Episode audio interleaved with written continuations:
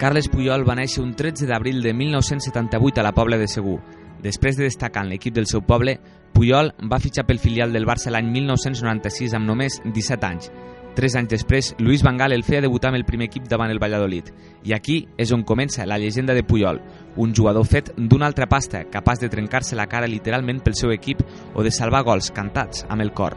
Tot i començar jugant com a lateral, es va acabar fent un lloc en l'eix de la defensa, encara que la seva polivalència ha permès als entrenadors tirar d'ell en moments determinats per cobrir qualsevol de les posicions defensives. A l'inici de la temporada 2004-2005, els seus companys l'elegien capità i seria a partir d'aquest moment en què es convertiria en un emblema pel barcelonisme. El gran capità se'n va amb un palmarès senzillament brillant, tant amb el Barça com amb la selecció espanyola, en la qual ha arribat als 100 partits. 6 lligues, 3 Champions, dues Copes del Rei, dos Mundials de clubs, sis Supercopes d'Espanya, dos Supercopes d'Europa, un Mundial, una Eurocopa i una medalla de plata als Jocs Olímpics de Sydney l'any 2000.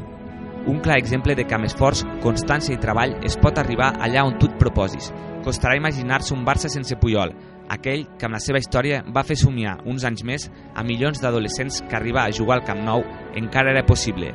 Se'n va al cor del Barça, insígnia del millor Barça de la història. Però no és un punt i final. Tard o d'hora el Carles tornarà, perquè ell necessita el Barça i el Barça el necessita ell. Fins aviat, capità.